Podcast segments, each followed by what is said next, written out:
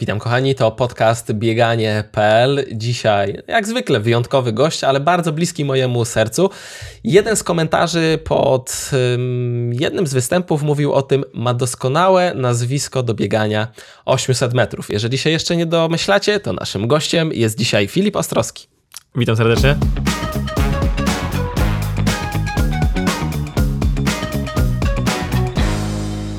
Filip, zaczęliśmy chwilę temu rozmawiać o tym, że Łódź poznałeś bardzo dobrze, a szczególnie z poziomu uczelni. Dlaczego? E, wydaje mi się, że po prostu nie byłem bardzo zdecydowany, co chciałbym studiować. I zacząłem studiować coś, co brzmi fajnie.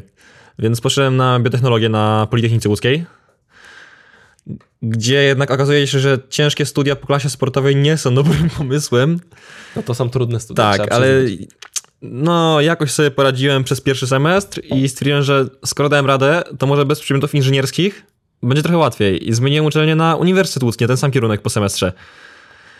Gdzie bardzo szybko sprowadzili mnie do poziomu, bo okazało się, że na uniwersytecie wcale nie jest łatwiej.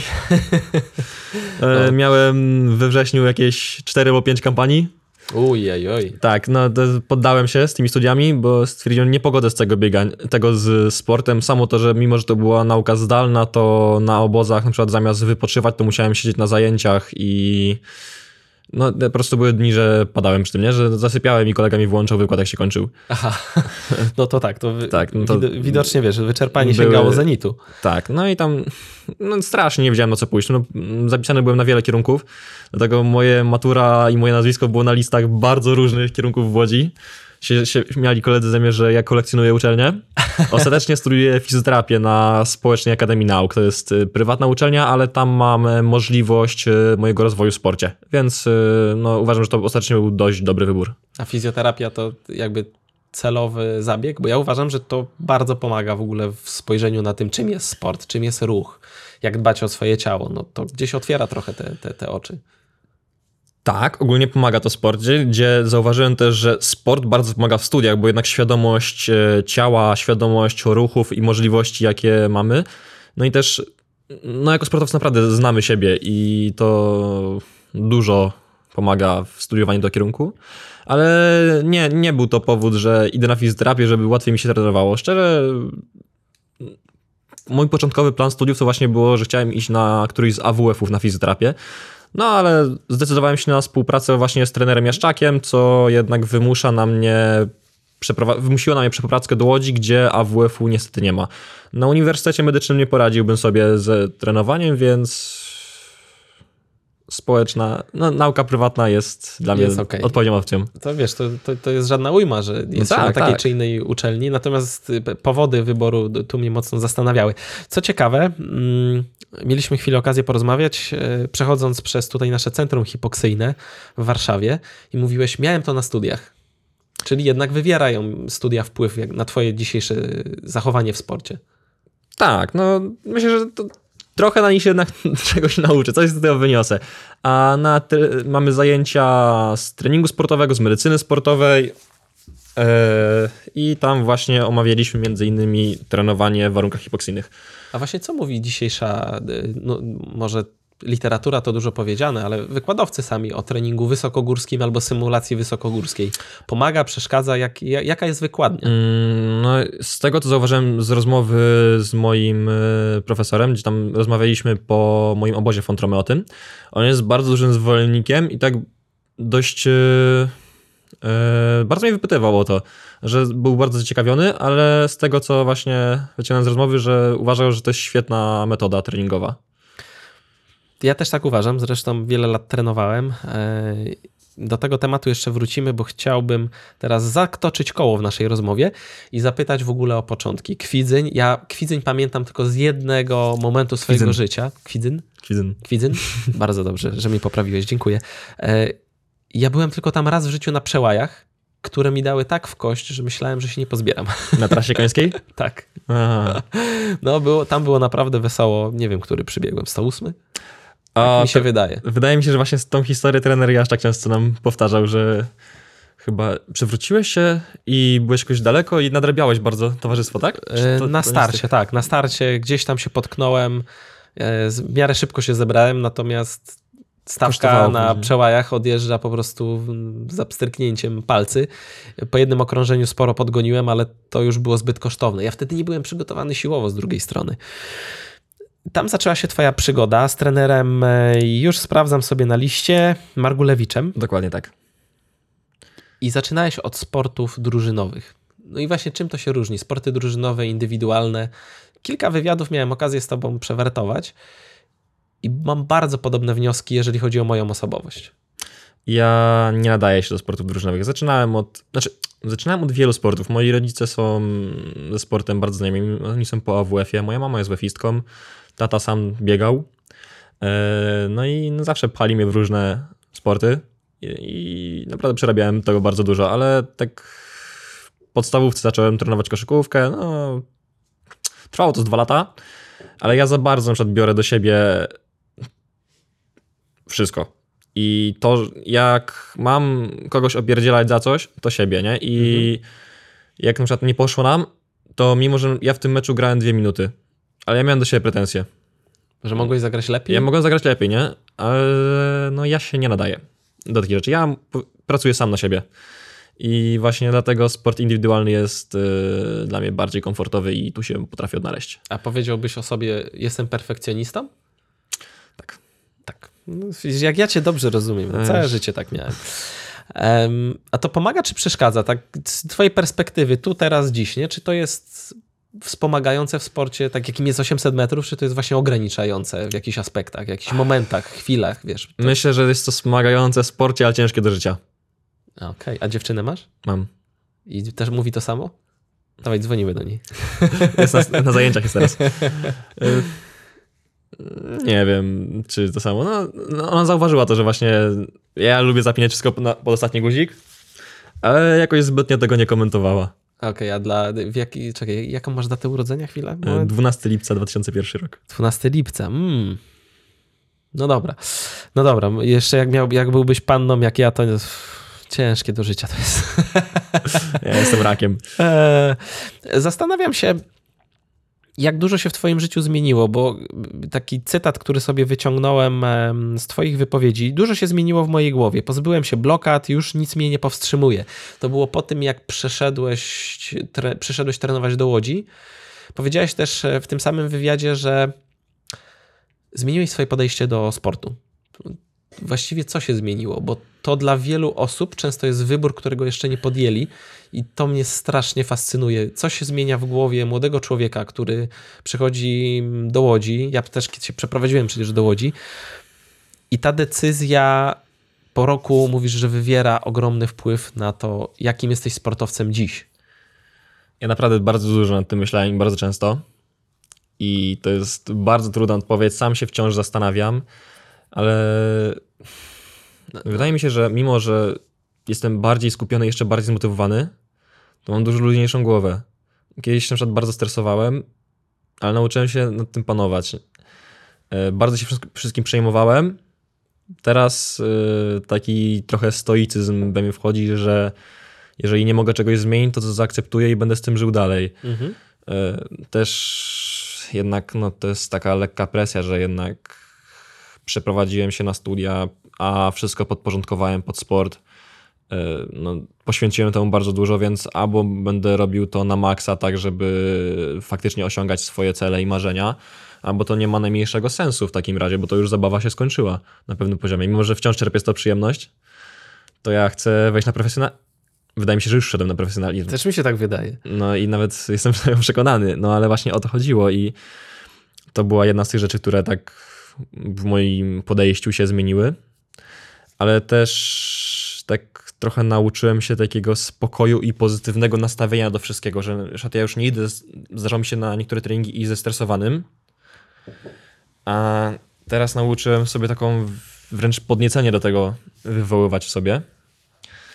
Y, przestałem się przejmować, że nie przejdzie, nie pójdzie mi na zawodach albo coś, tylko właśnie też już no to trochę mi psycholog w tym pomógł.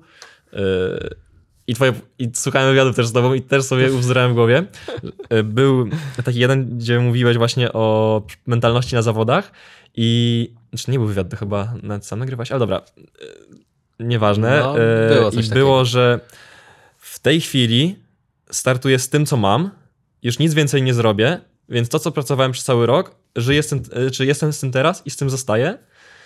I też to jest taka świadomość, że na starcie zostanę tylko z tym, co sobie wypracowałem i to też tak Trochę Wtedy zmiana... motywuję mnie do treningu, robię jeszcze lepsze, ale później przez to, że robię lepsze i wszystko wiem, że zrobiłem, nie mam sobie nic do zarzucenia, to później stając na linii startu, wiem, że to jest dzięki tym mogę dać z siebie to wszystko. Skoro ciężko na to pracowałem, to chcę to sprzedać jak najlepiej. I no to jest naprawdę, myślę, że w moim podejściu zmieniło się bardzo wiele rzeczy na różnych aspektach, znaczy na różnych płaszczyznach mojego życia, ale przede wszystkim zaakceptowałem wszystko, co się dzieje dookoła i znalazłem to jakby na nowo przyjemność. Mm, bardziej, tak, to jest trudne pytanie, nie, nie oczekuję, że znajdziemy na nie odpowiedź. Czy bardziej ciebie motywuje ta negatywna strona, czyli trochę taka obawa przed porażką, że nie zrobiłem czegoś na maksa, czy ta pozytywna strona, że napędzam się dążeniem do celu? Napędzam się y, dążeniem do celu. Jak, y, nie wiem, na przykład pamiętam, że w mojej głowie przed y, tym, jak wygrałem Kusycińskiego, mhm. ja stanąłem na starcie, wziąłem głęboki wdech i yy, powiedziałem sobie w głowie, teraz zrobię to tak, żebym za te dwie minuty był z siebie dumny, nie? Mhm. Nie chcę zrobić tak, że nie, żebym nie miał sobie nic do zarzucenia. Ja chcę powiedzieć sobie, że będę z siebie dumny, więc staram się nie myśleć tym, że może mi nie pójść, albo że nie chcę, żeby mi nie poszło. Ja myślę o tym, że chcę, żeby mi poszło. Nie? Że myślenie o tym, że nie chcę porażki, mnie spala. Myślenie o tym, że chcę sukcesu, mnie buduje, więc skupiam się na tej pozytywnej stronie. Już o tym myślałem wiele razy. A czy to jest wynik pracy z psychologiem? Właśnie Myślę, że tak. W którym obszarze najbardziej ci psycholog pomógł? Bo mamy takie różne obszary swojego życia. Trochę takie życie prywatne, trochę bałagan w głowie i życie sportowca. To są takie trzy elementy, które trochę się przenikają, a z drugiej strony zawsze jest ten lider w tej hierarchii. E, I w którym obszarze tobie, albo w czym tobie najbardziej psycholog pomógł? Chyba właśnie w tym życiu sportowym, właśnie tak jak powiedziałem, w tym, tym akceptacji i znalezieniu przyjemności, co się robi. I co się przełożyło bardzo na moje życie prywatne. I to mhm. też zauważyłem, że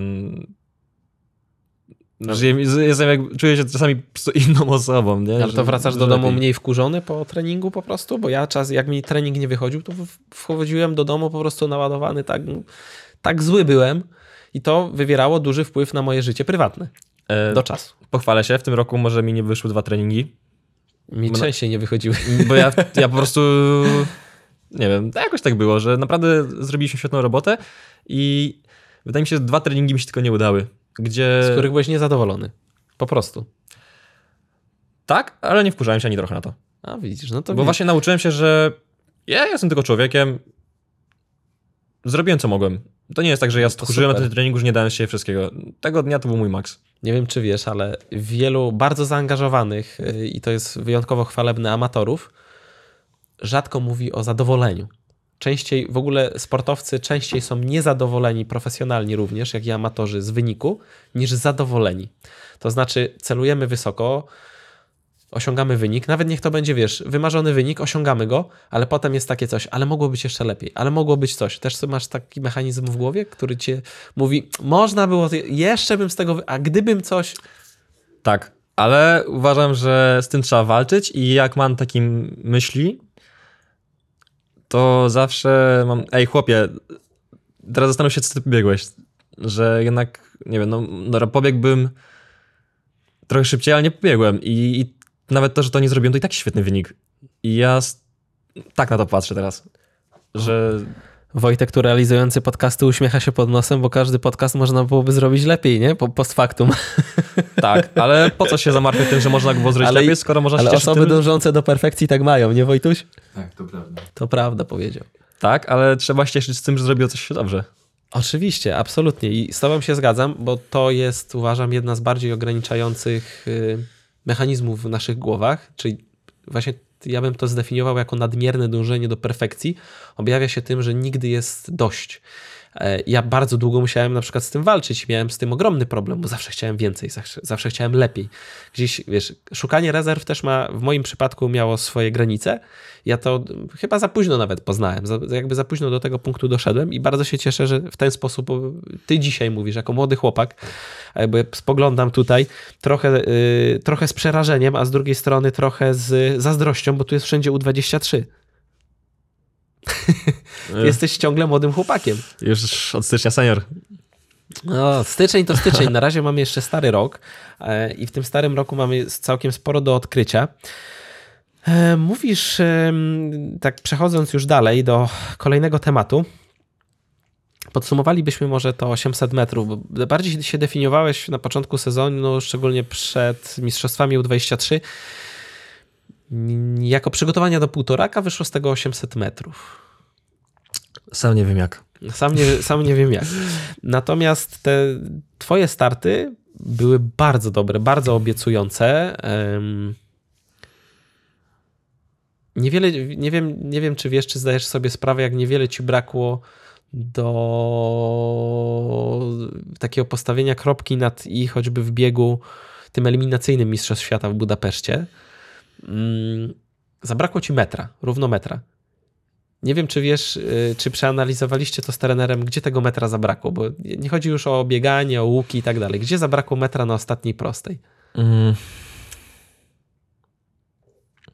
Wydaje mi się, jak głównym moim błędem, jak przeanalizowaliśmy bieg, y, to było to, że mogłem początek dać spokój, lecieć sobie spokojnie na tyle przy krawężniku. Mhm. A ja jakoś nie wiem czemu ubzdurałem sobie, no bo ogólnie, no jak zwykle, plan był jeden, ja zrobiłem coś drugiego. Ja uważam, że dobrze zacząłeś w tym. W tak, tym, ale chodzi o to, że ja, ja się ciąłem z tym chyba Włochem. My się tam, ja przez to cały czas naciskałem na niego na zakładkę. Ja cały czas się przez to jeszcze bardziej męczyłem, bo on nie, on nie dał mi się wyprzedzić. Mhm. On nie chciał tego a ja sobie uzdurałem, że muszę. Okay. I myślę, że gdybym się nim nie szarpał, poszedł spokojnie długim finiszem, z, nie wiem, na przykład z 300, w czym jestem naprawdę dobry i się komfortowo czuję na czymś takim, to może nie zabrakło mi tego metra. A tutaj gorąca głowa, niedoświadczony dzieciak i jazda. Y, wiem, że twoim idolem jest Marcin Lewandowski e, i takiej kariery dobrej i długiej bardzo no ci oczy, życzę. Oczywiście Adam Krzot, nie wiem, czy słyszałeś o nim. E, nie znam gościa, natomiast dam ci bardzo szybką radę. Zwróć uwagę, jaką pozycję, jak odchylasz się do tyłu, czy tam prostujesz się bardzo prosto na ostatniej stówce, jak jest ciężko. Tam jest zawsze ciężko, nie? A Marcin Lewandowski zawsze był dochylony do przodu. I te, tam ci brakło tego metra. Przegadajcie to sobie z trenerem. To jest w ogóle, masz większy potencjał niż ci jeszcze wydaje i warto nad tym elementem jednym drobnym popracować. Mhm. Ale oglądając Twoje biegi, wszystkie biegi, czy z Mistrzostw Polski, masz cechę, której często brakuje wszystkim biegaczom bez względu na dystans. Czyli mimo grymasu na twarzy, do ostatniego metra walczysz. O, o pozycję, o czas, naprawdę widać, że tam jest, no i zresztą głowa w koszu też mówi swoje, że potrafisz się zmęczyć, tak? Stasiu Jaszczak też mówi, no on potrafi się zmęczyć. I jak sobie wypracować, jak sobie w głowie to wytłumaczyć, że nawet jak jest ciężko, biegłem niedawno maraton i tam jest naprawdę długo ciężko, jakby ten, ten, ten okres ciężkości, kiedy człowiek ma okazję e, nie jedną, a i chęci zrezygnować, jest naprawdę tego czasu dużo. Jak to sobie w głowie poukładać, żeby jednak do końca konsekwentnie przejść do przodu to ja i się może, nie poddać. To ja może przytoczę kilka cytatów, które tak mam w głowie zazwyczaj, co sobie powtarzam przed biegiem. Zrobiłem to już setki razy, czemu miałbym nie zrobić tego dzisiaj? Mhm. Ból rośnie tylko do pewnego momentu, później już tylko taki sam. Mhm. Ból przeminie chwała nigdy. Dobre. No i on mija. No to, to, to nie jest tak, że nie wiem, powalczę 5 metrów mniej, 10 metrów mniej, 50 metrów mniej, to, to będzie mniejszy. I tak będzie bolało. A co to znaczy w ogóle ból na, w biegach średnich? Jaka jest definicja twoja? Że nie płaczą tylko powieki. Każdy mięsień z braku tlenu po prostu pali. No jednak ciało sztywnieje, właśnie to często u mnie bardzo jest widoczne, że nagle kolana idą na boki, głowa odchyla mi się do tyłu, bo tracę nim już kontrolę, ręce pracuje tak i po prostu wygląda jakbym się szarpał z czymś. Mhm. Nie wiem, na przykład w Rydze to ja pchałem ścianę 800 metrów jakieś. Po prostu... Widziałem ten wywiad. Tak, tam trenerzy śmiali się, myśleli, że albo pomylę trasę, albo zejdę. Znaczy, albo padnę. mm. No nie, tam, tam naprawdę wyglądałeś po biegu, jakbyś miał zaraz jeszcze głowę do kosza zwiesić. Bo zwiesiłem. Zwiesiłeś. Ile minut po, po 800, a po półtoraku przychodzi ten największy kryzys? Ciężko to określić, nigdy nie mam tam zegarka, ale wydaje mi się, że to tak 5-10 minut po 800, po półtoraku chwilę później, tylko że półtoraku trwa to dłużej, a po, po 800 mi się wydaje, że to jest taki strzał, że to jest moment, tylko że tak już wyjdę z tego kosza, kilka minut i dodaję do siebie, półtoraku cierpię długo. Dużo dłużej. Dużo dłużej. E, w ogóle zmęczenie takie, które powoduje wymioty, to jesteś, wydaje mi się, wśród profesjonalistów jakimiś może 10% w ogóle biegaczy. Wiele osób i tak nie potrafi się do tego stanu aż tak e, doprowadzić, do skrajności tak, tak głębokiej. Skąd taki mechanizm w ogóle, żeby no, robić to 105% normy, bo to nie jest 100%, tylko 105% normy. Mieliśmy tu w jednym z podcastów w rytmie biegania w tej serii e, rozmowę z mm, Tomaszem Mikulskim, lekarzem. E, ja bardzo lubię, y, spędziłem z nim mnóstwo czasu, ale ma takie bardzo twarde zdanie, że to jest stan już śmiertelny, letalny po 800 metrów i przetoczenie krwi skutkuje śmiercią, śmiercią biorcy. Jeden do jednego. Co to znaczy zmęczenie na 800 metrów? Czy tam w treningu do 800 metrów? Ale jak ten mechanizm, czy miałeś go zawsze, czy po prostu pewnego dnia powiedziałeś, dam z siebie wszystko? A tu myślę, że zasługę wielką ma trener Markulewicz, bo kiedyś pamiętam, jeszcze byłem młodzikiem, tam pierwszym rokiem, przed biegiem taki zestresowany, chodzę już któryś raz z rzędu, nie? I, on, i wtedy zazwyczaj nic z tego nie było, żadnego wyniku. On tak mi opierdzielił przed startem pięknie. I powiedział, że jak tak mam do tego podchodzić, to nie ma to żadnego sensu. No i jakoś tak mnie zmotywował, że jak poleciałem, wtedy nie wiedziałem, że taka reakcja jest organizmu. Ja byłem w szoku, myślałem, że coś mi stało, jak zacząłem wymiotować po tym biegu, ale zacząłem, że to w sumie nie jest takie złe. Nie jest tak źle. Też, też, też to przeżyć, nie? To mija. Nie, no, a, jak, a satysfakcja jaka była po udanym wtedy chyba 1,29 na 600 metrów biegłem ja pomałem 1,30, dla mnie to był kosmos wtedy, nie? No. I jeszcze po każdym biegu wtedy miałem taką chrapkę, że ten stan wręcz może nie to, że tam się wymiotuje, że to uzależnia, ale wyrzut endorfin, który później jakby jest w naszym organizmie. Po tym złym momencie. Po złym momencie, kiedy bieg był dobry oczywiście, bo jak się nie udał, to to, to jest, trzeba przyczerpieć swoje wtedy, ale mi się wydaje, że wtedy to, że doprowadziliśmy do takiego stanu, gdzie było tragicznie, ale jednak jesteśmy bardzo zadowoleni, to bardzo potęguje jeszcze ten high endorfinowy i to jest uczucie, które uzależnia strasznie, ta adrenalina i... Muszę cię zmartwić. Dlaczego? Bo ja w życiu, mając na karku w tej chwili 34 lata, nie znalazłem drugich, ta, drugiego takiego źródła endorfin, dopaminy, takiego dopalacza w życiu. Po prostu nie ma zamiennika, tak? Może jakieś twarde narkotyki, których nigdy nie próbowałem. ale y, z takich zupełnie przyziemnych rzeczy, to wiesz, nic nie jest lepsze niż ten high, nawet seks nie jest lepszy niż ten high po skrajnym zmęczeniu.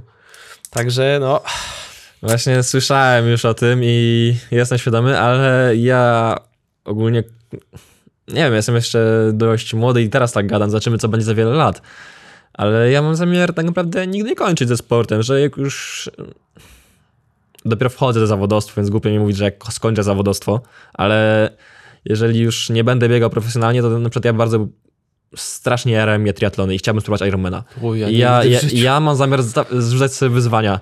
E, jak już znudzą mi się konkurencje wytrzymałościowe, to bardzo chętnie wejdę w sporty siłowe i po prostu amatorsko, ale do końca życia chciałbym uprawiać sport, żeby właśnie bo wiem, że nic innego mi nie dostarczy tego uczucia. Nie, słuchaj, po maratonie było fantastycznie. Tak? był wyrzut? No nie, był bardzo fajny wyrzut endorfin. E, jeszcze cały wieczór spędziliśmy w towarzystwie wszystkich Polaków wyjeżdżających właśnie z, e, e, z tego samego turnusu, że tak to nazwę. I było w ogóle świetne doświadczenie, polecam. High też jest całkiem niezły, jest inny, Jest inny, nie jest taki jak po 800. Tak, bo to jednak tam się leci na kwasie ile? Jakimś... 14 milimoli pewnie jakieś? Nie. Więcej? Nie, nie na ekstremalnie niskim, nie wyprodukujesz tyle. Ale bardzo długo. No, długo, tak. Długo, długo, strzelić długo. sobie raz 20 i, i zdychać. Ale ty, ty, ty mówisz, że jesteś wyjątkowo wytrzymałościowym zawodnikiem, świetnie reaguje na drugie zakresy, mało się zakwaszam. Co to znaczy? Jak trenuje Filip Ostrowski? Dużo i mocno. No dużo i mocno, okej, okay, ale to... Łódzka szkoła. Eee, znaczy... No, Stasiu Jaszczak, tak, potrafi wychować mistrzów, ale lekkie ręki nie miał nigdy. Tak, eee, znaczy, ja nie wiem jak to szczerze wytłumaczyć, bo to z roku na rok się zmieniło. Zawsze miałem taką tendencję, że nie kwasiłem się jakoś super wysoko. Porównanie oczywiście do moich kolegów, z którymi zawsze biegałem, robiliśmy ten sam trening ale co i porówna- znaczy? porównałem sobie kwasy.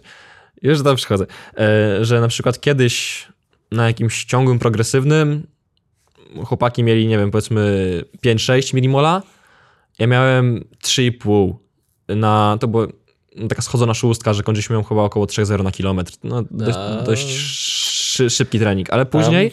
Na tym treningu rekordowe swoje tętno wykręciłem, kończyłem na 209 albo 205 bodajże. Nie, 209. Tętno. Ja już nie patrzę na, na nim. Bo to, to, to, właśnie my zawsze mówiliśmy, że to już nie jest ciągłe, to jest walka o życie. Najbardziej stresujący dzień w tygodniu. Tak, to jest już walka o życie. A w 100% no, się Ja dalej pamiętam, że raz na hali biegaliśmy właśnie taką szóstkę i ja usiadłem na ławce, zacząłem się i normalnie, tak jak czasami w filmach jest po wybuchu granatu taki pisk i takie kręcenie. Właśnie miałem dokładnie ten sam moment, tylko że musiałem brać kolce i iść na dwusetki. Ale ci Stachu granat wrzucił. tak, trener mi rzucił granat. No, ale wracając do tego... Yy... A jak biegniesz ciągły z tą samą prędkością, to z jakimi kwasami biegasz? Nie Ostatnio, wiem. w tym no. roku? Yy... A nieraz nie przekroczyłem 2,5 milimola. A często właśnie przeważnie wchodzę do dwóch. Prędkość, no biegałem od 3,40 do 3,20 ciągu, przeważnie dłuższe, te jakieś dyszki, no, czyli ósemki, dwunastki. Trening pod półtoraka, jak dyszki dwunastki wchodzą. A, chłopaki bo się robili ten sam. tak, ale... Ja też, ja potem im dalej moja kariera trwała, też wydłużaliśmy to. No, że ciągle robię długie, ale po prostu nie wiem, ja ogólnie mam taką teorię właśnie, bo ja naprawdę sam próbuję to przeanalizować, coś bo to się w ciągu roku zmieniło u mnie bardzo. Cztery sekundy poprawy, rok do roku, nie? No tak, ale chodzi o to, że właśnie też treningowo ja byłem w dużym szoku. Właśnie nagle lepiej znosiłem trening, biegałem szybciej, kwasiłem się mniej. I mi się wydaje, że to przez to, że też tak kiedyś miałem taką presję na głowie straszną i na przykład rozbiegania starałem się robić szybciej. Truchty starałem się robić szybciej, bo mhm. myślałem, że jak zrobię to szybciej, to będzie to lepiej. I tak naprawdę mi się wydaje, że przez to organizm nie miał czasu na regenerację. I ja ciągle zaciągałem coraz większy, może dług tlenowy i teraz na przykład odpuściłem i staram się biegać rozbiegania spokojnie. Nawet często zakładam, jak już wiem, że forma idzie, to doktor Krzywański właśnie powiedział, że mam zacząć uważać, żeby się nie przetrenować. Jak będę się zastanawiał, czy zrobić jeden odcinek więcej, czy mniej, to mam zrobić mniej bo po prostu tam jakoś wiem, wyniki krwi po Fontromemie miałem na tyle dobre, że mówił, że prawdopodobnie zbliżam się do jakiegoś szczytu formy, więc mam uważać na siebie. Wtedy zacząłem biegać z pulsometrem, żeby tętno nie przekraczało mi na rozbieganiach 150 uderzeń na minutę. E, A ale... na ciągłym ile masz tętno? E, staram się biegać poniżej, na drugim zakresie poniżej 180 e, że tak 178 staram się, żeby... Zburzyłeś właśnie teraz połowę przekonań naszych słuchaczy, bo każdy mi się szybciej stara, Stare książki, stara nomenklatura mówi o tym, że do 120, 130 to są truchty, a ty pewnie jak idziesz, to masz 120, tak jak i ja. A nie wiem, nie wiem, że nigdy ten także. Ale właśnie no staram się, żeby trening uzupełniający, podtrzymujący był treningiem podtrzymującym, a nie i żeby to właśnie budowało, czyli jak robię pierwszy zakres, to nie biegam go w drugim, tylko w pierwszym zakresie, już od dłuższego w sumie w zasadzie od tego, od tamtego sezonu, od listopada. Jak są truchty, to wolę nawet czasami biegam po 5-0, a nie po 4-0 tak jak kiedyś, no bo po co? I zauważył, teraz jak na przykład będę na obozie Fontrome, y, tam była Mohamed Katir z tą swoją ekipą z o, matko, ten to jest rzeźnik. Tak, a truchty biegał wolniej niż ja. Bo się chciałem podłączyć pod tą grupę na chwilę i pobiegłem za nimi i stwierdziłem, że jest dla mnie za wolno. Mm, jest takie wytłumaczenie tego stanu rzeczy. Tylko, że później zrobili bardzo mocny trening. No zgadza się. Właśnie. I właśnie też zauważyłem, że po co mam truchać szybko, skoro zaraz będę biegał w trupa. I zauważyłem, że właśnie kiedy nie przestałem podkręcać się, mój organizm jakby zaczął lepiej reagować i przez to biegam szybciej. Na treningach, których mam biegać szybciej. Jest na to wytłumaczenie. Um, szybkim wytłumaczeniem tego stanu rzeczy jest teoria baku, że każdy z nas ma pewien bak. No i to jest, składa się na wiele czynników, na całe zapasy mikro, mikro makroelementów, które są dostępne, e, ilość glikogenu, to jak rozpędzona jest wątroba i mięśnie właśnie w dostarczaniu tej energii. I jeżeli wchodzimy w zbyt szybkie, nawet jak się tętno zgadza, ale truchta się zbyt szybko, to korzystamy z tego zapasu. I to jest właśnie ten, ten, ten, ten bodziec. Dlatego wielu zawodników, Mekishi na przykład, świetny e, belko, belkarz, belkarz, no tak to nazwijmy, e, Francuz, on biegał po 7 minut często. Ale jak biegał zabawę, to to były takie prędkości, gdzie ja myślę, że na zabawach biegał po 2,40, jakieś minutówki, 2-3 minutówki. To były dla niego normalne jakieś prędkości, gdzie łomotał tego na potęgę, dziesiątki kilometrów. E, podobnie jest z topem. Nie wiem, czy wiesz, Francuzi często pomijają, oprócz chyba Katira, faktycznie Francuzi robią bardzo mało kilometrów, średniacy szczególnie. Ale to też zauważyłem, tam poznałem kilku chłopaków i gościu biegał na piątkę, piątkę dychę, ten Fab, Fabien Palseł, jakoś tak, tam też młody, ale taki dość perspektywiczny.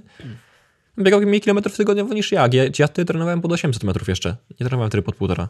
I często to jest, ja definiuję, bo trenowałem z, z różnymi zawodnikami, z Dearibą chociażby miałem okazję kilka razy na obozach potrenować i on do każdego treningu starał być świeży. Co skutkowało potem tym, że robił trochę mniej treningu niż ja, w sumie na obozie, ale na końcu starczało mu na dwa, a nie na trzy biegi. I to było często mocno, mocne ograniczenie. Z drugiej strony są Brytyjczycy, pewnie tam kilku Elliot Brytyjczyków. Giles. O tak. To ci... On na przykład robi trening dużo na rowerze. E, bo ma non-stop kontuzję. Tak. To tylko to jest główny powód, ale Brytyjczycy tak zasuwają, robią tak ciężką robotę, tak dużo treningu tempowego mają, że tam ból zyskuje zupełnie nową definicję, nie? Tam coś takiego, że ból, że tętno, że co, że jak? Nie, tam nie, tam jest po prostu do odcinki. Ale, Ale... tak chciałem ciebie jeszcze zapytać o to, czy ty zauważyłeś pewno, bo zmieniłeś trening siłowy. Czy to nie jest tak, że trening, zwiększenie objętości siłowej poszło w parze z zwiększeniem prędkości i spadkiem e, samego zakwaszenia na ciągłych? Tak, zauważyłem, bo zawsze robiliśmy taką lekką siłownię z małymi ciężarami, bardziej dynamiczną. Teraz dołożyliśmy też do tego cięższą, bardziej statyczną siłownię i biega mi się potem dużo lepiej. A co to znaczy cięższą? E, no, mniej powtórzeń, większe ciężary, właśnie mniej ćwiczeń. Tam mamy chyba bodajże 6 tylko w zestawie. Mhm. Dłuższe przerwy, mhm. bo tam robimy przynajmniej 2 minuty pomiędzy ćwiczeniami. A zawsze robiliśmy po 30 sekund. 30 sekund, 40 już ten trener gonił na następne. E, no, ale no tam, nie wiem, na na hip trust 110 kg w tej ostatecznej fazie brałem, y, na pół przysiad 120 no to jeszcze masz spore zapasy. Tak, ale to był mój pierwszy rok ciężkiej siłowni. I też ja widzę, że nie, jeszcze mam bardzo duże zaległości techniczne przy tym wszystkim, więc nie ma co tego bombardować bardzo dużym obciążeniem, bo to się dobrze nie skończy. Jeżeli chodzi o trening siły, to jeszcze masz naprawdę spory margines, y, ale tutaj jak zawsze, zawsze mówię o tym amatorom, zawsze mówię o tym profesjonalistom. Bardzo często starałem się dzielić swoją wiedzą w trakcie swojej kariery, co zresztą y, po karierze też uczynię, jest jedna fundamentalna zasada treningu siłowego każdego. Technika. Jak ona jest prawidłowa, to potem im większe zmęczenie na, si na treningu siły, tym bardziej trzeba dbać o aspekt techniki. Jeżeli to idzie właśnie w tym kierunku, to ostatnie 100 metrów zawsze jest dobre. Technicznie można być totalnie zajechanym, ale technicznie się to dociąga i to różni często tych, którzy wygrywają, od tych, którzy jeszcze czekają na swoją wygraną, nie? że właśnie im lepsza technika na ostatnich 100 metrach, to ludzie to częściej dowożą. Ben Pattison, Ben Pattison, z nim się ścigałeś między innymi e, w rundzie mm, eliminacyjnej. E, on jest powtarzalny. E, eliminacyjnej albo półfinale. W Nie, każdym półfinale był chyba z Borkowskim. A, dobra, dobra. Ben Pat... Wiesz co, chyba eliminację miałeś z nim. No to Ben Pattison jest ciekawym zawodnikiem, bo on do końca dobiega technicznie. Z drugiej strony masz Hopela, który nie zawsze to robi. Hmm. Który jest nieobliczalny, strasznie szybki hmm. na ostatnich 100 metrach. I jak się prześledzi właśnie tylko ten jeden wąski fragment, bo to jest kropka nad i ostatnie 100 metrów, to widać, kto jaką ma powtarzalność w trakcie roku ostatnich 100 metrów, nie? ile wygrywa, wygranych pojedynków na ostatnich 100 metrach. To jest, no ja wiem, umysł mam statystyczny, ale to rozwiewa wiele wątpliwości, co robić jakby w samym treningu. Nad czym pracujecie teraz właśnie w treningu? To, to mnie by najbardziej interesowało. W tym momencie? Żebym mógł do niego wrócić. Co się stało? Ach, chyba bardzo sumiennie hodowałem sobie pewne przeciążenie w biodrze.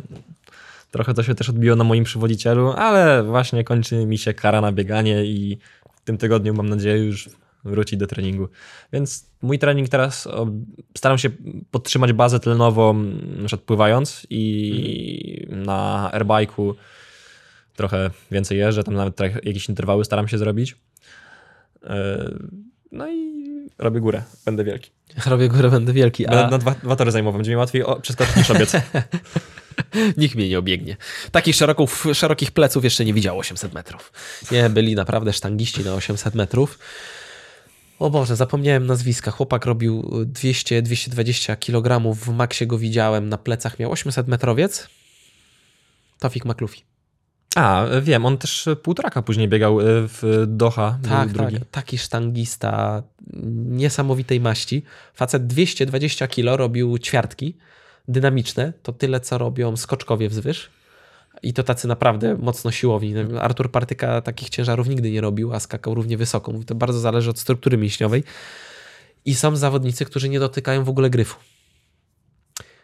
Trening pod biegi średnie potrafi być naprawdę tak różny, ilu jest ludzi, zawodników, ile jest szkół treningowych.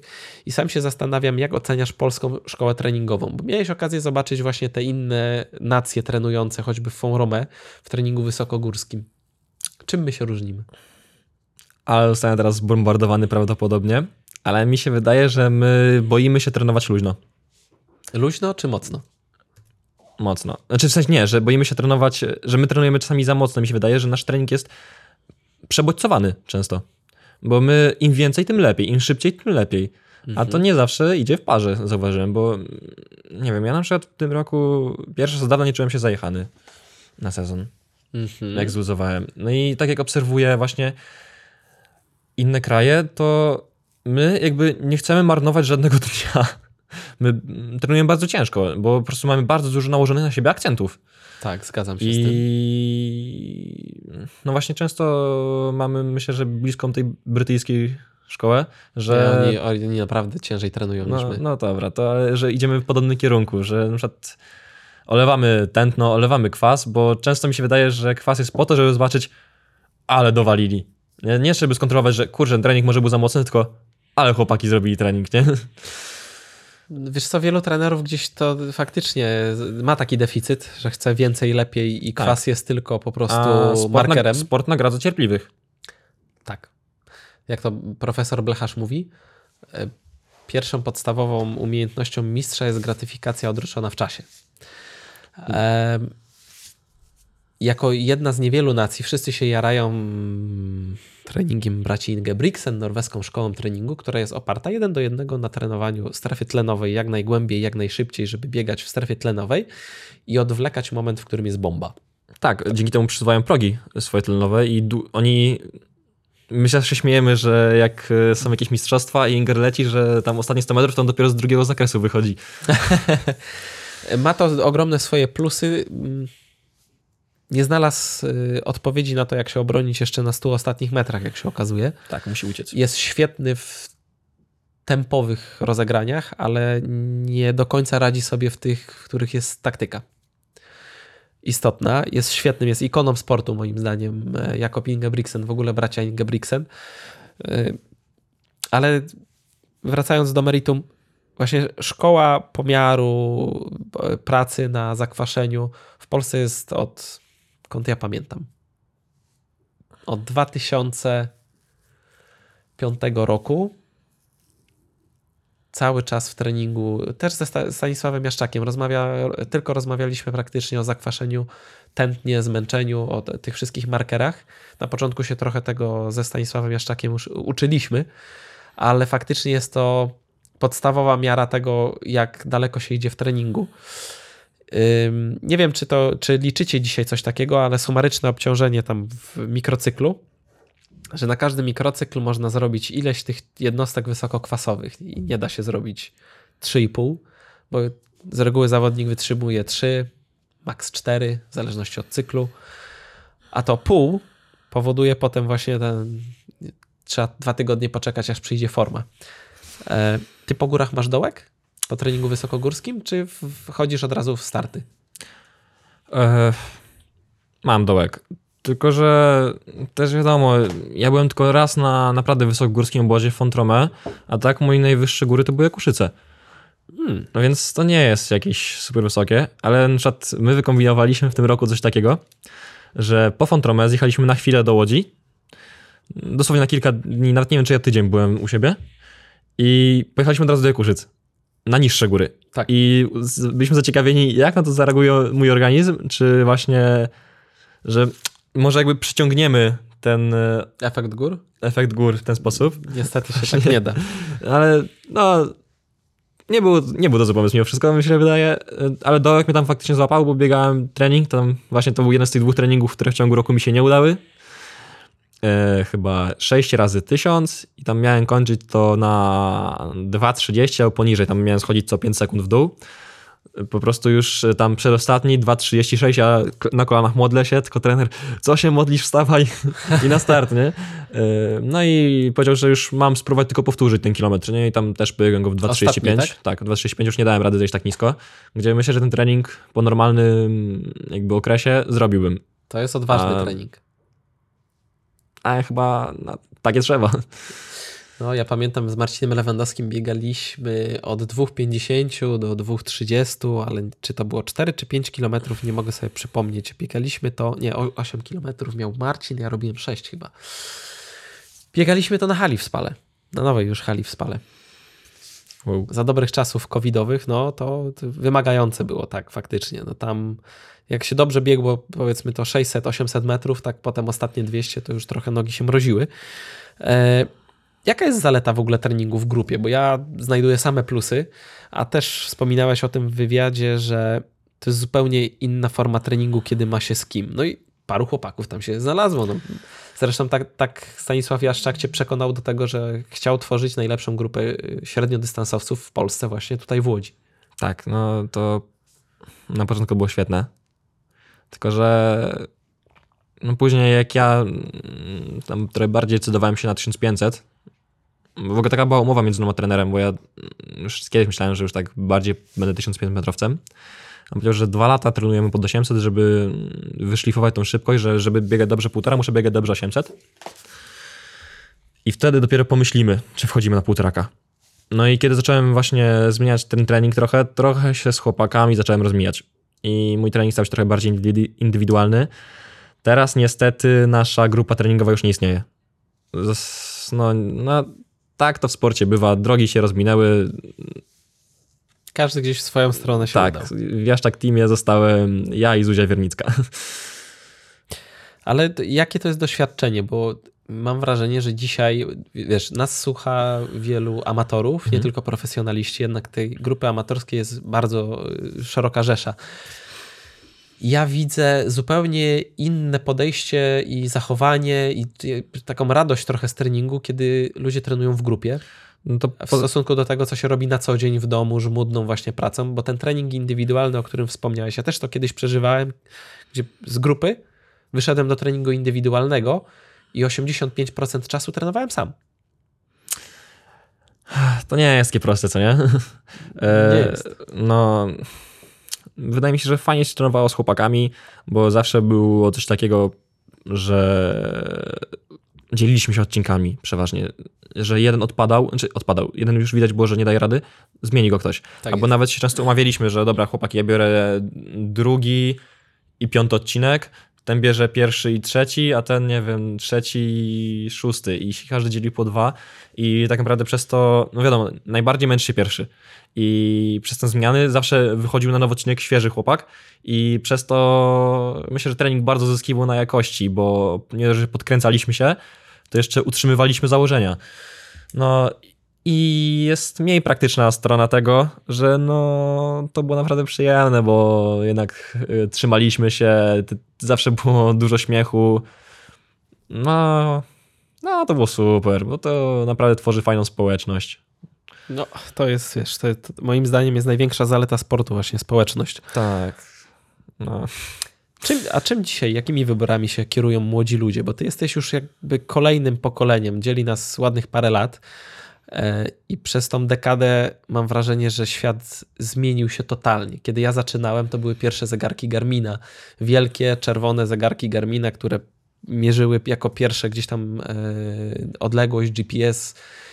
I to był jakiś kosmos. Dzisiaj, wiesz, każde urządzenie mobilne ma GPS i tych zegarków są setki marek od smartwatchy wszelkiego rodzaju przez zegarki specjalistyczne. Są buty z karbonem. W ogóle ten świat jest zupełnie inny. Czym dzisiaj się kierują młodzi ludzie w sporcie? Jakich wyborów dokonują? Bo kiedyś dla nas sport, chyba jestem ostatnim pokoleniem, był trochę takim wyrwaniem się z mniej lub bardziej smutnej rzeczywistości. Mm, nie wiem, ja się bardzo nie lubię wypowiadać za grupę, bo uważam, że no naprawdę jest tyle różnych osób i nie da się tego tak powiedzieć jednym zdaniem. Ja mogę powiedzieć, czym ja się kieruję. Ja mam marzenia i ja bardzo chcę je spełnić. Mnie tak jara to, że mogę pojechać na mistrzostwa, że tak naprawdę jestem w miejscu, które wie, tak wiele osób chciało być. Mogę dać nie wiem, mogę nagrać podcast do magazynu sportowego, mm, nie wiem, mam wywiad w TVP po zawodach i nie wiem, nie wiem a to jest dla Ciebie forma gratyfikacji, tak, rozumiem? mnie to bardzo cieszy. Ja lubię to. W ogóle bardzo medialnie chyba lubisz się z wszelkiego rodzaju no. mediami, bo tak scrolluję tutaj wola twojego na Instagramie. Sam jestem w szoku. To tego jest dużo. A, mam parcie na szkło. Ale Jaki młodzieniaszek, proszę. O. e, nie wiem, ja po prostu kieruję się tym, że kocham co robię i mam swoje marzenia i chcę dążyć do ich spełnienia. Dużo ludzi robi to, bo to właśnie jest e, nie wiem, w wielu klubach jest naprawdę fajna drużyna i tworzą świetną ekipę i widać, że po prostu czerpią z tego dużą radość. Niektórzy po prostu mają też duże ambicje i duże marzenia i chcą je spełniać. Nie idzie im to, ale cały czas walczą. walczą. Ale nie wiem, co może kierować ludźmi. Przeważnie to jest ambicja albo po prostu chęć robienia czegoś. Tak mm, zastanawiam się jeszcze nad jednym aspektem, bo w tym roku widziałem pierwszy raz y, taką możliwość.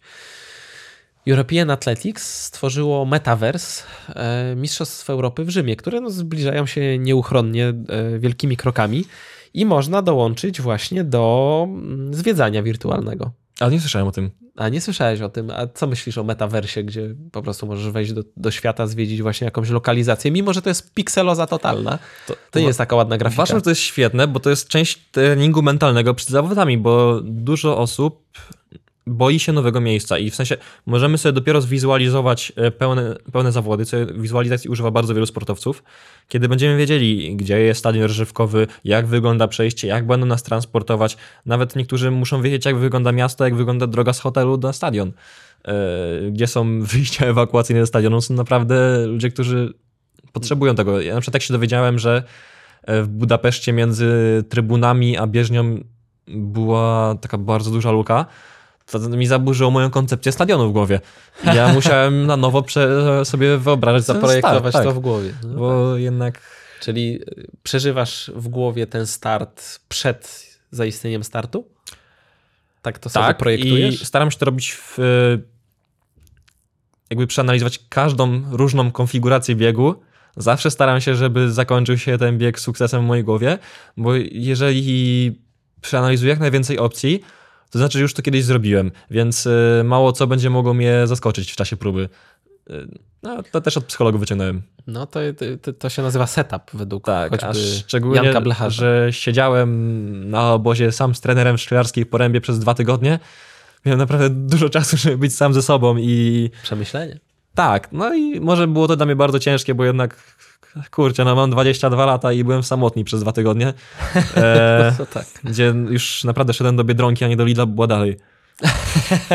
to była moja rozrywka, nie iść na spacer już. E, no, to właśnie starałem się przynajmniej jakoś spożytkować ten czas. Mimo, że uczyłem się na poprawki na studia, no oczywiście bez tego się nie dało obejść, e, to starałem się też właśnie jakieś medytacje, wprowadzić trening mentalny, więc jestem w tym świeży, ale trochę się zafiksowałem na tym punkcie ostatnio.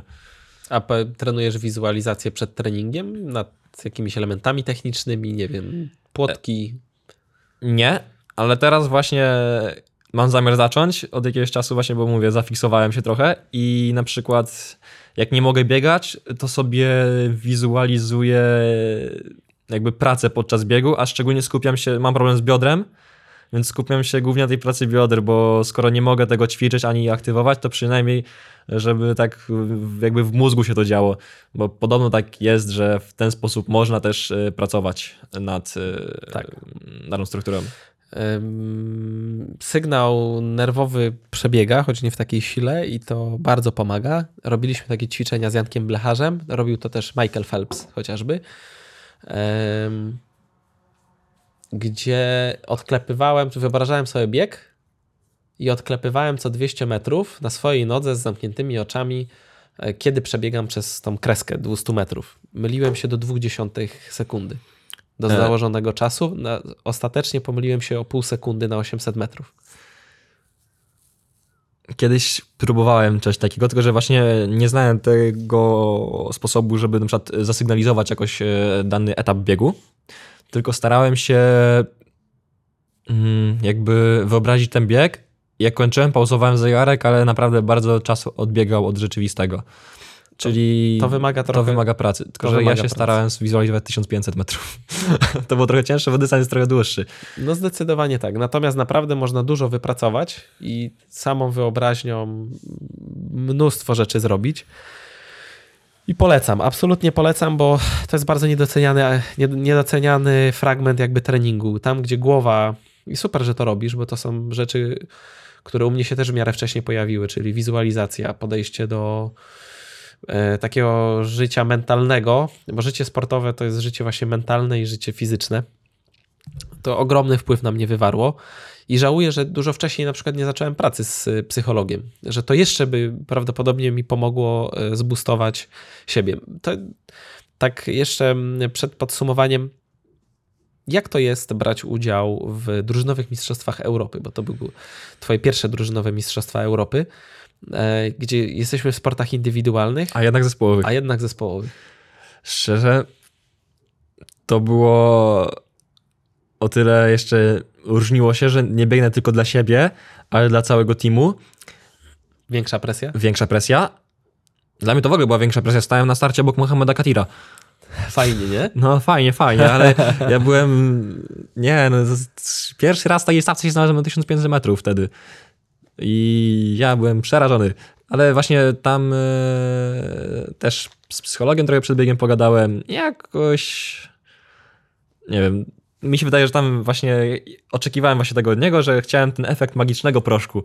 Że aha, po rozmowie aha. po prostu poczuję się lepiej. Tak naprawdę wtedy nie dowiedziałem się nic nowego faktycznie, ale po prostu pogadaliśmy i jakoś wyszedłem z bateriami naładowanymi na fulla.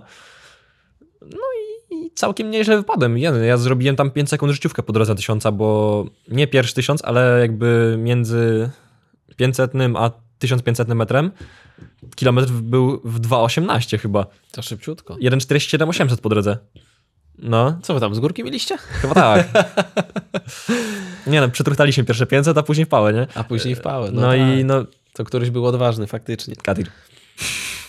Tak, ale właśnie no, to było fajne i też świetne było to, że na tym y, stadionie reżywkowym siedzieliśmy i ten wielki telebim i po prostu każda drużyna kibicowała swoim o każdy ten najmniejszy punkt. O centymetr. Tak, o centymetr. I mimo wszystko widziałem, że każda drużyna też patrzyła, żeby jak najgorzej poszło innym przez to. Co jest bardzo niefajne, bardzo straszne, ale też tak mieliśmy. Ale chodzi o to, rzeczy. No tutaj ten każdy punkt i to było takie bardzo bardzo duże emocje kibicowania, więcej niż na normalnych zawodach. Eee, no, że tam naprawdę można się było poczuć jak w drużynie i to było super. I bardzo śmieszna była tam sytuacja, w której się prezentacji chyba skontuzjowała się podkarka na 110 przez pod, na 100 metrów przez spotki i wystartowała dyskobolka, czy tam kulomiotka tak, zamiast tak, niej. Tak, tak, tak. Bo punkty. bo punkty, co pokazuje oddanie do drużyny i bardzo duży dystans do siebie tej właśnie zawodniczki. Ale samo to, że to po prostu no, sytuacja była naprawdę zabawna, ale to pokazało właśnie trochę istotę drużynowych mistrzostw, nie? Że każdy daje jakąś małą cegiełkę od siebie do jednego wielkiego sukcesu z drużyny. O, dokładnie. Gdzie tam cieszy, gościu chyba zerwał dwugłowy na sztafecie, a dobiegł, nie? Żeby, tak, żeby tak, był tak, punkt. Tak, tak, tak, tak, tak. Powiedz mi, co powiesz tak w ujęciu przyszłego roku? No bo mamy Mistrzostwa Europy. Szykujesz się do nich? Też. Też. No i mamy Igrzyska Olimpijskie. Niewiele brakło do minimum olimpijskiego. Jeszcze nie wiem, jak to zrobię, ale ja tam jadę. Natomiast przeglądałem tabelę tegoroczne 2023. No, powiem ci, że nie wiem, czy jakby samo minimum, minimum wystarczy. Sam się zastanawiam, bo y, system jest prosty, że czy mamy ileś miejsc na minimum, ileś miejsc na ranking, prawda? Mhm. E, jak myślisz, ile trzeba będzie pobiec, żeby mieć takie żelazne, zapewnione miejsce? Bo buty zmieniły wszystko, tak? To zresztą tam są buty, w których biegasz zapewne. A nie. Nie? To są sprinterskie. A, faktycznie? Dobra, nie ma pięty? No, ja biegam, a też szczerze też biegam w tych samych kolcach, co dziewczyny biegają na 400. Biegłem ich na półtora. Ja zawsze marzyłem o sztywnych kolcach przez no, całą swoją karierę. Nie, są świetne, naprawdę. Carbon to jest Piękna technologia. No, A szczególnie właśnie zauważyłem, że lubię właśnie sztywne, agresywne kolce, nie? W New Balance są bardzo fajne, sztywne. Tak, tak, to, no, to one są rewelacyjne. Wszystkie z karbonem są troszkę sztywniejsze chyba niż u konkurencji, jeżeli mówimy o same znaczy, karbony. Niektóre firmy też mają jakąś inną, że nie karbon, na przykład jakąś właśnie nylonową płytkę, że z innych materiałów niektóre, albo włókno bardzo róż, Jest bardzo, róż, tak. bardzo różne są te A te, New Balance ma typowo karbonowe, ale właśnie ten, te nowe, te... Yy MDX one się chyba nazywają. Tak. Nie, to jest rewelacja. Mam trzy pary tych kolców, jestem zakochany w nich po prostu. Spoglądam na mężczyzn na 800 metrów, minuta 44,70, 48 miejsc. Bieg na 1500 metrów, eliminację do Igrzysk Olimpijskich, przypomnę dla słuchaczy, 3,33,50. Do zrobienia. Który dystans? Jeden i drugi? Bo żeby powiedz 33,50, to trzeba biegać blisko tego wyniku. Nie wiem, na co wystartuje jeszcze. Zależy na co mój wynik będzie bardziej wartościowy i więcej mi da. Nie, nie będę teraz jakby nastawiał się, że tylko 1500, chociaż wiadomo, bardziej myślę o tym dystansie, bo go uważam za mój taki koronny w przyszłości. Perełka. Perełkę moją, ale też to nie jest Także można w ciągu roku z 800 metrowca zostać 1500 metrowcem. Mi się wydaje, że to jednak jest trochę no dłuż, du, du, dłuższa droga i na razie będę łączył te dystanse i tak jak w Budapeszcie stwierdziliśmy, że lepiej wypadnę na 800, startowaliśmy na 800. No. E, Najlepsi zawodnicy z półtoraka są na poziomie minuta 44.0 na 800. Tak, w ogóle ten świat troszkę nam się przewrócił do góry nogami bo mamy wielu 800 metrowców, byłych 400 metrowców, albo do tej pory startujących w sztafecie dla swojego mhm. kraju. Z reguły potencjał 800 metrowca na 400 przy nowych butach, podkreślę, bo to jest totalny game changer, to jest y, u facetów minuta 45 i to takie najlepiej 45-20, nie? Że niezły 400 metrowiec y, ma ogromne szanse na 800 metrów. Jest taka Jamajka, która mm, się z 4, 400 głównie ze sztafet przeszła na 800, świetnie radząca sobie. Mamy Holendra. E, Holendra? Chyba Holendra, który też y, przeszedł z 400. Tak, Holendra. I to pokazuje, jak dzisiejszy świat jest w ogóle zwariowany, tak? Bo chłopaki z półtoraka przyjeżdżając na diamentową ligę nieraz leją 800 metrowców, a 800 metrowcy startują często w sztafetach jako do uzupełnienie mhm. kadry i wcale sobie gorzej nie radzą, nie? że ten, to jest jak w silnikach downsizing, nie? że z 800 do 400, z półtoraka niżej. Dzisiaj, i to wydaje mi się słuszne, nie da się po, ro, robić tylko półtoraka. Jeszcze ja 10 lat temu to było możliwe. Bala taki Francuz był, który 90% czasu spędzał właśnie na półtoraku i biegał wtedy, w tamtych czasach, 3,32, 3,33 chyba na hali pobieg, no to to był jakiś, jakiś kosmos. Dzisiaj jak ktoś biega 3,33 to... To już nawet nie jest dziesiątce. No nie jest dziesiątce. W Europie nic nie daje. Jak patrzyłem, to Diamentowa Liga w Monako była taka szalona, tam 3,31 to był nasty wynik. Nie, to jest kosmos, nie? Ja właśnie uważam, że to Ingebrigtsen jest winny temu wszystkiemu, bo już się nie półtoraka nie biega na miejsca. Kiedyś to było tak, że 800 biegało się bardzo szybko, a półtorak to jednak było trochę bardziej bieganie taktyczne. Teraz półtoraka biega się jak 800, od początku idzie się w pałę, bo Jakob nie pozwoli, żeby było wolno. Bo nie ma wyjścia. Bo nie ma wyjścia, tak. No i po prostu, no... Dlatego te, bardzo dobrze radzą sobie ci, co na półtoraka idą jakby ze szkoły wytrzymałościowej, że bardziej trening z trójki, bo teraz to są trzy Tak. biegi w maksa. To już nie są, że bieg na 3,40 może być, albo tak jak Mac, M- Matt Centrowic, wyg- Tak. Matt Centrowic wygrał kiedyś igrzyska i tam był bardzo wolny bieg, tylko że ostatnie 400 było w 50 sekund. Dokładnie tak. Tak, o- teraz n- n- Matt- nie pozwolą na takie bieganie już chłopaki. Matt Centrowic robił szalone treningi. On bardzo szybko biegał 800 na treningu. I był bardzo, bardzo, bardzo szybkościowo wyśmigany. Jakobinkę Brixen trzecią 800 minutę 48 na treningu. Nie? To, to wiesz, to, takie, to są ich standardy. I to nie jest, że to nie jest do zrobienia. Tak? Ja pamiętam, ja kiedyś też myślałem, że są ograniczenia w treningu. I byliśmy w RPA, to był trening e, Amelatuki. Pobieg trzecie 400 w 47.0 albo czwarte 400. Tylko stosunkowo długie przerwy miał między tymi cztery setkami. I ja miałem dzień później albo dwa dni później swój trening na cztery setkach, 4 razy 400. I pierwsze przerwy krótkie, 4-minutowe, potem 7-minutową przerwę miałem. Pobiegłem 47-10. I gdyby nie to, że on pobiegł dzień wcześniej tak szybko ten ostatni odcinek, to bym zwolnił po pierwszej stówie, nie? To Mm. bym stwierdził, że kurde, że tego się może nie da zrobić, że przegiąłem. Ale zobaczyłem, że zacząłem za szybko. Oczywiście pierwsze 100, bo miało być w 48 sekund. Mówię, no trudno. Najwyżej mnie postawi na ostatniej stówie. Drugi, ostatnie 150-200 metrów mi pomagał wtedy Szymon. I no, jednak się dało. I To, są ograniczenia tylko. tak, i, w, i często te ograniczenia właśnie rosną w głowie. I takim moim ograniczeniem było, ten rok w ogóle gdzieś tam zmienił po raz kolejny moje myślenie, Sifan Hassan. I co powiesz o tym? Ona Maraton, dychę, piątkę, półtora. wszystko w jednym roku zrobiła. Teraz jeszcze maraton wygrała. No ja jestem, ja nie wiem jak to jest w ogóle możliwe, bo pójście z półtoraka, trójki, piątki, dychy do maratonu jest w pewnym sensie bana- banalnie proste, ale wrócić z tej drogi, to ja do dzisiaj się zastanawiam, jak nie, nie to wraca się stało. Zazwyczaj się nie wraca. No, właśnie. właśnie. to jest fenomen. Po prostu, no...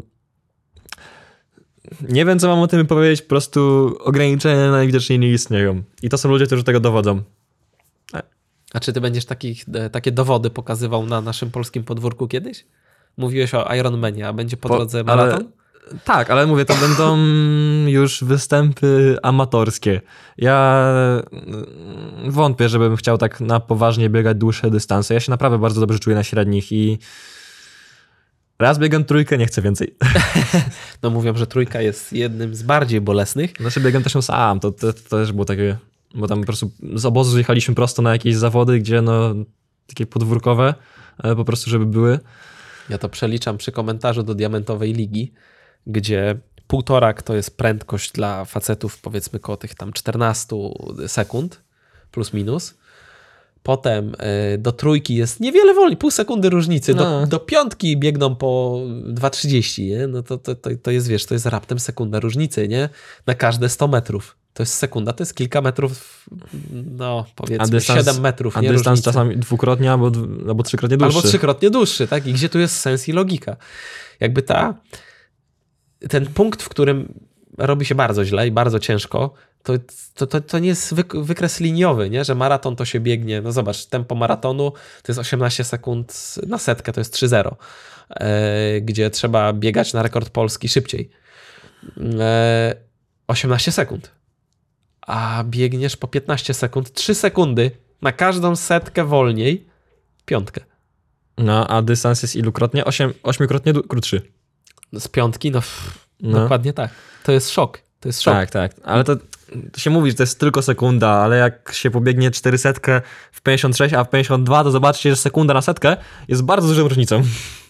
No właśnie. A jakie są twoje takie ulubione środki treningowe, które uważasz, że najbardziej ci pomagają właśnie w osiągnięciu wyniku? Nie wiem, może są to właśnie zabawy, może są to rytmy, może jest to si- siła jeden do jednego. Który ze środków takich, pominijmy trening taki główny, nie? bo tym wisienką na torcie w Tam- treningu to są te 400, 500, to jest wisienka, nie? Ale jakoś trzeba się do tego przygotować. To który ze środków jest taki najbardziej wartościowy dla ciebie? Ja uważam, że świetną robotę robię na ciągłych i strasznie nie lubię zabaw biegowych. Nienawidzę zabaw biegowych yy, jako treningu, bo Znaczy przede wszystkim nie, nie lubię biegać czasowych treningów, na przykład dwie minuty szybko, minutę wolno, trzy minuty szybko, minutę wolno. Nie cierpię, bo nie wiem, gdzie kończę. Bo to jest. Aha. Ja lubię, no, bo jakbym miał biegać, nie wiem, w tym samym tempie, ale miałbym pokazane od linii do linii. To byłoby to, okay. to spoko, lubię ten trening, nie? Ale jak biegnę i patrzę co chwilę, dobra, 30 sekund. No nie, 25. Ja jest się... zakaz patrzenia na zegarek na takich treningach, bo to jest frustrujące strasznie, nie lubię. Ale właśnie bardzo czuję, że dobrą robotę robię na... że bardzo lubię bazę tlenową na...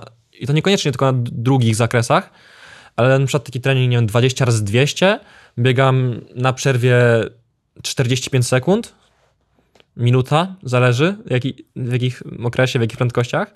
Biegam dużo, ale to jest spokojne i na przykład yy, mhm. myślę, że to jest taki trening bardzo budujący bazę u mnie, czyli tak na progu tej pracy tlenowej i mieszanej.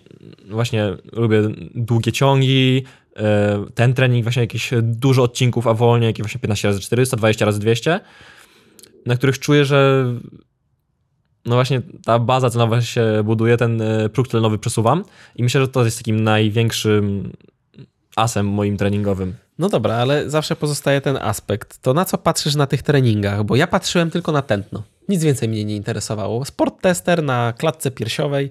Ja wiedziałem, że jak będę biegał po piątym odcinku minutówek na przykład, albo trzysetek, bo biegaliśmy albo tak, albo tak, to ja wiedziałem, że muszę mieć tętno około 168 do 171 i wtedy na końcu treningu po trzeciej serii będę miał odpowiednie zakwaszenie. No mm. i to był mój jakby współczynnik. A na co ty patrzysz? Czym ty się kierujesz? E, też patrzę na tempo, ale takim większą ramą jest u nas czas. E, że trener zazwyczaj daje mi jakąś ramę czasową, że powiedzmy te cztery setki biegam między minuta 7 a minuta 9. I tak mam się w tym mieścić, przeważnie wtedy na mnie krzyczy, że biegam za szybko. E, no i że to jest taką sztywniejszą ramą niż tętno u nas. E, ale też bardzo patrzymy na samopoczucie, bo ja, odkąd właśnie tak ten trening mój się zmienił, że jest trochę bardziej mój, a nie grupowy, to często pada pytanie, wydłużałem przerwę? I mówię, no, tak albo nie, albo czy jeszcze?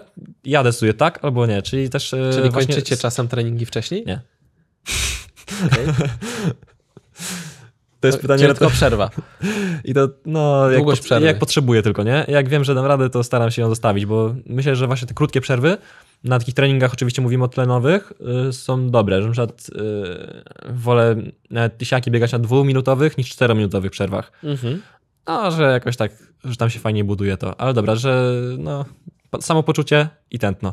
I czas. Głównie czas i samopoczucie.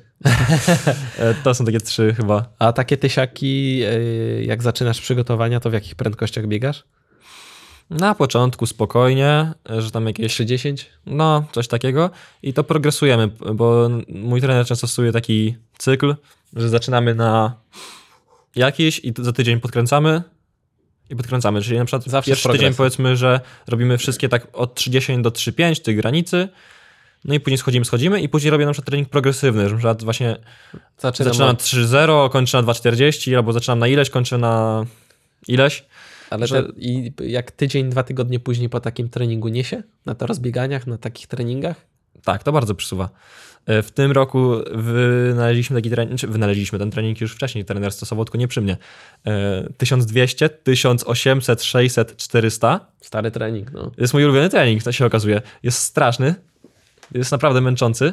Mi 1200 same dobrze leżały. 5 razy 1200 zamiast o, 6 razy 1000. Też to biegam, no. A potem jak się robiło tysiączki, to w ogóle to 200 metrów tak dużo zmienia po tym tysiącu. Tak. No, to prawda, ale kiedyś właśnie tak robiliśmy, że 1200, za tydzień 1000, za tydzień 800, 600, 400. No mówię, teraz się trochę to zmieniło e, i na przykład powtarzamy tysiące, albo później wchodzimy, w, już później jak już wchodzimy w prędkości, to właśnie na te 1200, 1000. E, no i tak, faktycznie po takich treningach e, czuję, że bardzo szybko zaczynam biegać szybciej, że mnie bardziej nosi. No i widzisz, i to ja to lubię. Ile no. kilometrów miesięcznie biegasz? Nie liczę. Nie. No, dopóki mi trener nie każe podliczyć, to, to nie liczę. To nie liczę. No, no ja, I zawsze zapominam. Ja u Stasia biegałem do 450. Mhm. No to sporo. No, jakieś stare dzienniczki ostatnio odgrzebałem. Chociaż myślę, że mógłbym też się pod to podpiąć, bo w takim listopadzie, grudniu to po te 23 tak. km dziennie to jest taka norma. Czasem, często. Na obozie. Na obozie, tak. Na tak. obozie. W domu, bo u Stasia jest tak na obozie dwa treningi i to ciężkie, a, a w domu się odpoczywa. Tak, tylko przeważnie się na obozie, sporo się jest, nie? No, Chociaż- ty, tydzień chociaż- w miesiącu się należy, nie? Żeby odpocząć. No, to, trochę tak. Chociaż y, to w Łodzi na przykład robiliśmy jakieś 30 km wybiegania, co jest koszmarem, nie? Ale Robiłeś 30 wybiegania? Dwa razy w życiu. O, ja robiłem 25 No. u Stasia. Bo raz trener zadał mi retoryczne pytanie, znaczy nie, retoryczne za zadanie, można powiedzieć. Nie, to nie ma sensu. Y, To, Dobra. to, to mógłbyś już maraton pobiec. Jak 30 masz za sobą, to do maratonu już blisko. Nie, no jak dla mnie to, to jest za dużo. To dwa razy zrobiłem i wolałbym tego już nie powtarzać. No, to Netflixa byś odpalił Tak. na 12 ostatnich Nie, kilometrów. Tym, tym, zazwyczaj już tam z głośnikiem, musi być jakaś muzyka, już nam się gadać nie chce w pewnym momencie, już obgadamy całe życie, zaplanujemy sobie dwa lata do przodu. nie, no. A to trener jeździ cały czas rowerem? Nie. Znaczy, ra, na jednym obozie z nami jeździł rowerem w Portugalii. Montegordo. mm, Montegordo, gusta. tak. Pamiętam, że powiedział, że nam pokaże trasy i wystrzelił 100 metrów przez nas z tempem jakimś 3,20, nie mogliśmy go dogonić. A teraz mnie gońcie! Tak. Dogoniliśmy go na pierwszej górce. No ta, a tak, tak, tak, no bo tam są takie dwie górki, że powiem ci. E, nie, trener nie jeździ. Przeważnie wtedy jest na jakimś punkcie i bo tym, jak robimy 30, to trener traktują bardzo zdaniowo, że my tam powiedzmy mniej więcej po którymś, po którymś, po którymś kilometrze mierzymy kwas. Że tam z dwa razy albo trzy na takim treningu się, dwa razy w trakcie i raz na koniec mierzymy kwas na takim treningu. E, no to na swoim stałym miejscu tam... Na ławeczce. Na, ła- na ławeczce. No tylko, że wtedy zazwyczaj jest e, brzydka pogoda, bo to, to w listopadzie biegamy to w samochodzie. Czeka i my krążymy. I nas dopada z tym. No, ale tak. to jest trening, który już y, bez żela, bez jakichś tych, nie, nie, nie można pójść, tak władowuje. No Ja 25 na jednym żelu biegałem u Stasia. Mm. Za reguły. Najgorzej, jak właśnie czasami nie ma opcji, gdzie zostawić jakiegoś bidonu albo coś. Zawsze jest opcja, daj spokój. To No, się gdzieś tam jest. przykryje ściółką leśną. Będzie dobrze. No fajnie, no cieszę się, że podzieliłeś się swoimi takimi y, ciekawostkami treningowymi, chociaż tam 30 jestem sam zdziwiony. No, ja też. Wszyscy zdziwieni. Jak pierwszy raz wrzuciliśmy z chłopakami na Instagrama, że zrobiliśmy 30 30 km, wszyscy myśleli, że to żart i że jechaliśmy samochodem z zegarkiem włączonym. Po prostu wolno i się zapytaliśmy ich, czy oni serio uważają, że jesteśmy tak zryci, Że żebyśmy 15 jecha- na godzinę że- 30. Tak, i że jechalibyśmy tak długo samochodem, żeby wstawić relację na Instagrama. No tak. No. No dobrze, no ale to widzisz, to jest, y, odkrywam w pewnym sensie bieganie po raz kolejny, bo ja- trzy- 30 tak. No, Treningiem nie boję dzielić, bo o tym usłyszeć może każdy, ale musieliby to powtórzyć. To kiedy, kiedy w wysokie góry jedziesz? A E, może hipoksja? Hipoksję chcę spróbować, naprawdę bardzo chcę i ja będę sukcesywnie trenera próbował to namówić. Eee, Ja tu, te, ja tu trenera zaproszę na podcast, przekonał go. o, dobra, dobra, liczę na to. Ale w kwietniu wracamy do Fontrome. No i super. I to jest dobre łączenie jakby tych elementów, bo można robić przygotowanie wysokogórskie na trochę niższej wysokości tutaj. To, co robiliście, czyli wy, wróciliście swą Romeo do Jakuszyc, no to zjechaliście w, I wcześniej w byliśmy jeszcze w Szklarskiej. Że my takie trzy to jest okej, górskie, no. Czyli ze Szklarskiej jechać wyżej to jest ok, bo masz dwa razy bodziec. Mhm. I tak samo można robić z hipoksją, że robisz hipoksję, e, tak jak tutaj można robić to w Warszawie albo w ośrodkach centralnych e, sportu. E, Ustawiasz sobie wysokość na 1300 metrów, a potem jedziesz w normalne wysokie góry i masz 400 metrów wyżej, na przykład 1700, 1800 Font-Romé, ale różnicy masz tylko 300-400 metrów. Organizm jest zaadaptowany. Szybciej może wejść trening. Szybciej można wejść w trening. Poza tym powiedziałeś bardzo fajną rzecz. Co suplementujesz teraz? Przed przygotowaniami do sezonu? Żelazo. W jakiej ilości? Eee, teraz e, zszedłem na 100 mg. No i moi drodzy amatorzy, proszę słuchać profesjonalisty. Przed przygotowaniami się suplementuje, zapełnia magazyn po to, żeby potem budować krwinkę. Najpierw brałem 200, teraz zszedłem na 100, bo trochę bolał mnie brzuch. Y, Jest taki środek, polecę ci, bardzo mi dobrze wchodził i brzuch po nim nie bolał. W ogóle nie można było rano wieczorem brać w podwójnej kapsulacji. Świetna sprawa. Polecę ci potem. Bardzo Ci dziękuję. Filip Ostrowski był naszym gościem. Yy, Zawodnik, można powiedzieć, śmiało bliski mojemu sercu, bo trenujący w RKS Łódź, czyli moim macierzystym klubie, ze z trenerem Stanisławem Jaszczakiem, z którym odkrywałem, uczyłem się lekkiej atletyki, uczyłem się ciężkiej pracy i to były bardzo fajne lata yy, moje w sporcie. I gdyby nie ten etap, nigdy bym nie był w tym miejscu, w którym jestem. Dziękuję serdecznie, Filip, Dziękuję bardzo. i do zobaczenia niebawem. Moi drodzy, wysłuchaliście podcastu bieganie.pl. Jest to seria podcastów, w których rozmawiamy z zawodnikami, trenerami, osobami, które mogą nam pomóc w sporcie, a dzisiaj mam nadzieję, że znaleźliście mnóstwo motywacji oraz garść bardzo fajnych porad. Jak widzicie, 800-metrowiec potrafi biegać również 30-kilometrowe rozbiegania. Co nas jeszcze zaskoczy? Piszcie, komentujcie, bądźcie z nami, subskrybujcie, uderzajcie w dzwoneczek. Adam Kszczot. Bieganie.pl